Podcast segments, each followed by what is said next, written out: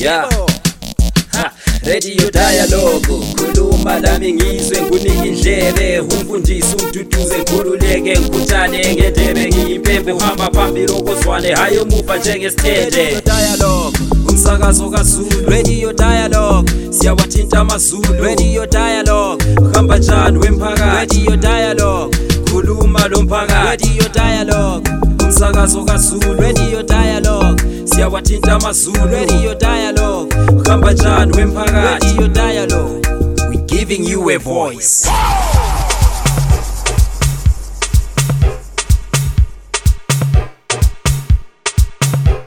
kambe yebo kambe yebo kambe yebo kambe yebo kambe kuhlangana ke ku podcast yakho i podcast ephakulelwa yithi kanye abangani bakho. Phela radio dialogue kumbe ke dialogue FM ke khona phana abangani bakho ngasonke isikhathi. Kulula ke ukuxhumana lathi kanti la uyazazela inombolo yethu ke ngawufuna ukuxhumana lathi usebenzisa ke i WhatsApp ngu 0773 284598 ngawufuna ukuhlangana lathi ke ku Twitter handle yethu ngu @dialogue_fm ngawufuna ukuhlangana lathi ke ku Facebook ikhasi lethu lisebenzisa ke ibizo elifana nayo dialogue FM ngawufuna ukuhlangana nalathi ku-instagram. Sikhona khona phana njalo sisebenzisa igama elifana nayo-ke udialogue f m kungasenani-ke mina lambizo-ke? Ngigodobora umgonondo omkhulu ongabhekwa ngamehlo inyasarimbi lakhonapha-ke edolobheni lakobulawayo. Ukhuleka nokobhethule ngithi ngabe kwenzakalani-ke khona ngapho kwelakho ikasi kwenzakalani kuyakho inkoboni?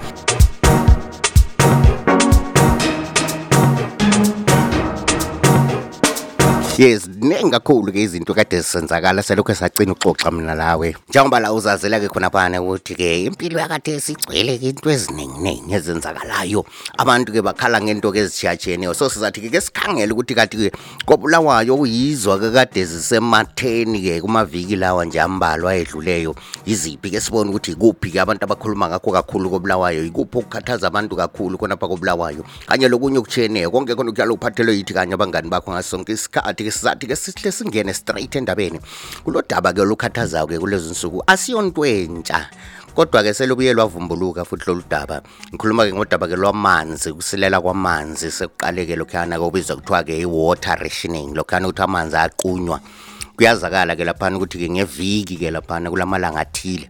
Abantu abahlala bengelamanzi ke laphana. Ihlupho lufana nawo lo lwamagetsi sekuyikhona okhuyana ke ukuthi ke sekubuyele lokhuyana lo shedding ngoba kuthiwa ayasilela amagetsi ke laphana ke. So ke izinto lezi zombili kodwa uhlupho lukhona ukuthi ke uzesa lo mngani wakhe ke laphana obulawayo city council kabagcini ke laphana basinika kama timetable wabona lana kuthiwa kumele sihlale siqaphele ukuthi ngesikhathi esithile ngosuku oluthile into lezi ziyabe zingekho. Kodwa kayilandelwa i-timetable yakhona kuyona lana. Uyabona nje noma yinini? Amanzi asekho ubone noma yinini amagetsi asekho. Kuyana baza kulungisa ke ngokuya kwesikhathi belandela ama-timetable. Siyazwisisa sibili ukuthi balezinkinga-ke khona ngali ke.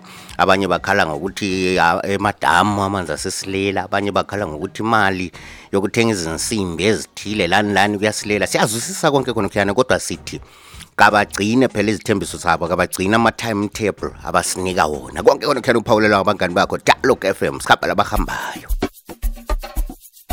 olunye udaba ke laphana ke okuyilo ke lusematheni kulamaviki ke ambalwa edluleyo kaphana ludaba ke lokukhuphuka kwentengo ke ikakhulu ke izinto leziyana esizidinga ke nsuku zonke empilweni ama basics ke laphana ke. Izinto zikhuphuke ngenye indlela eyisimanga ke laphana kuchiye ke abantu abaningi ke bengasayinelisi abantu abaningi abasayinelisi into lezi.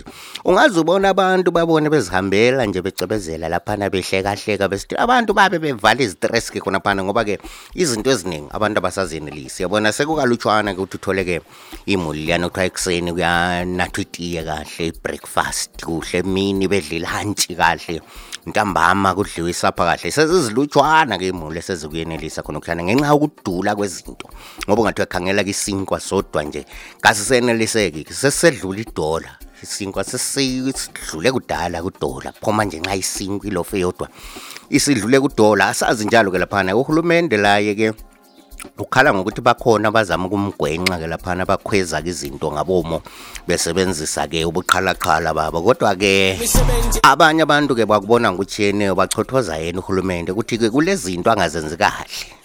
Yikho kwenza ke laphana ke izinto zigcine sezingona lo mumo. Asazi njalo wena ulibona njalo udaba lakho na 0773284598 kungenziwa njani? Njalo lusuqisela ngapi uhlupho lonolo phela lokuthi izinto zikhwele buthumthum ngendlela ke ezikhwela ngayo ke laphana.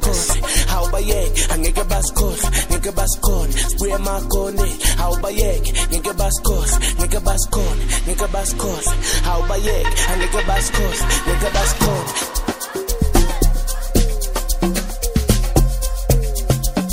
ungakhohlwa ngingafuna ukuxhumana lathi ke kulula kakhulu. Ebulenjini sikhona ku Twitter yendlethu nge@dialog FM ke lapha nxa sesikhangela okunye ukuphuma phambili ke kona lamaviki yikubhubha ke kweqhawe lapha njengobaba umhlanga. Ngikhuluma ke ngo continue loving mhlanga conti mhlanga. Abantu abaningi bamazi ukuthi ngiconti mhlanga ubaba onguye ke wasungula ke imakhosi indawo yona lana kuthiwa imakhosi lapho kwaqeqesha khona ke eh, amaciko amanengi ke lapha amaciko amanengi yakhona isilawo kobulawayo ke iningi lawo baqeqeshe khona phana ke emakhosi so ye ubaba umhlanga ke wasithiya ke laphana ngemva kokugula nje kwesikhathi esifitshane ubashemlene nethi ngibaxolela uthi ngihlashele kwakuphikiswana ke laphana ebulenjini ngemva kokuthi uhulumende wangenela wathi yena ke uzaphathisa ke laphana ngokubhadalela indleko zomngcwabo. Eh abantu abanye bakhonona bathi kambe umuntu omkhulu ofana nalo Conti uhulumende kulokuthi amnike ukuhlonitshwa kweqhawe qhawe lesizwe khona bana yena uhulumende uthi uzancedisa nje ngomngcwabo. Abantu babethi why uConti engayenzwanga la waba yi-hero national hero? Balikhanda madam ke ngenxa ye contribution abalayo khona phana kwezobuciko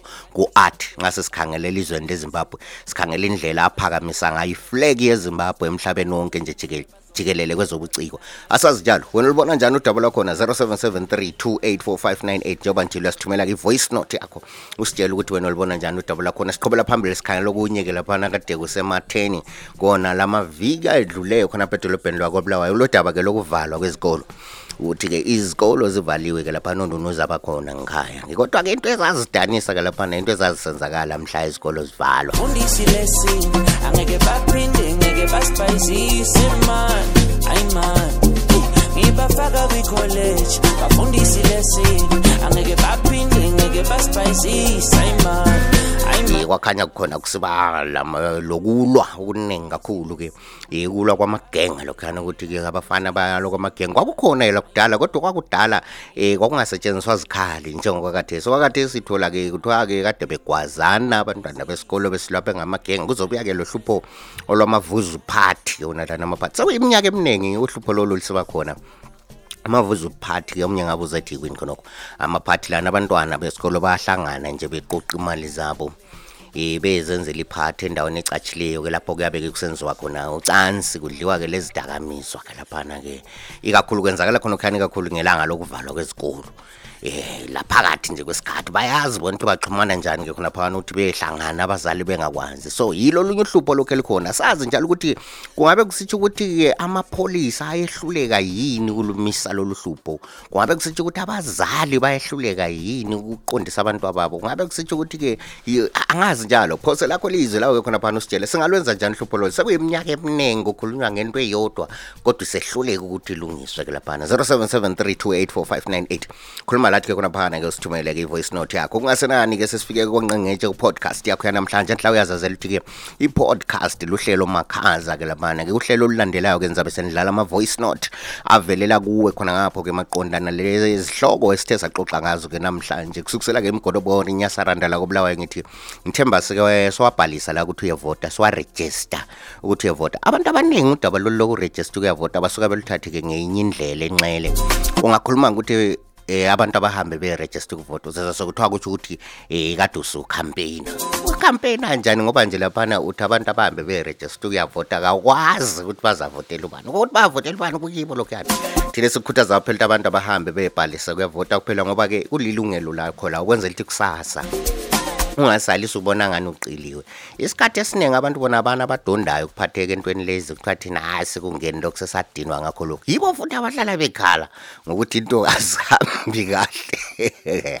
Kosukusela kibi-ke iyasarada la kobulawa ngithi asibuye sihlangane njalo-ke ku-podcast elandela ungakhohlwa ku-twitter ihandle yethu ngu-at dialog fm facebook-ke ikhasi lethu libizwa thiwa dialogue fm nxa ufuna usilandela njalo kwi-instagram sikhona-ke sisebenzisa-ke ibizo elifananayo udialogue fm xa ufuna ukusithumela-ke i-voice note inamba yakhona yona lana kade ndokhe ngiyiqamba nje uhlelo lonke ku-0773284598 okwanamhlanje ngithe usale kamncwa. That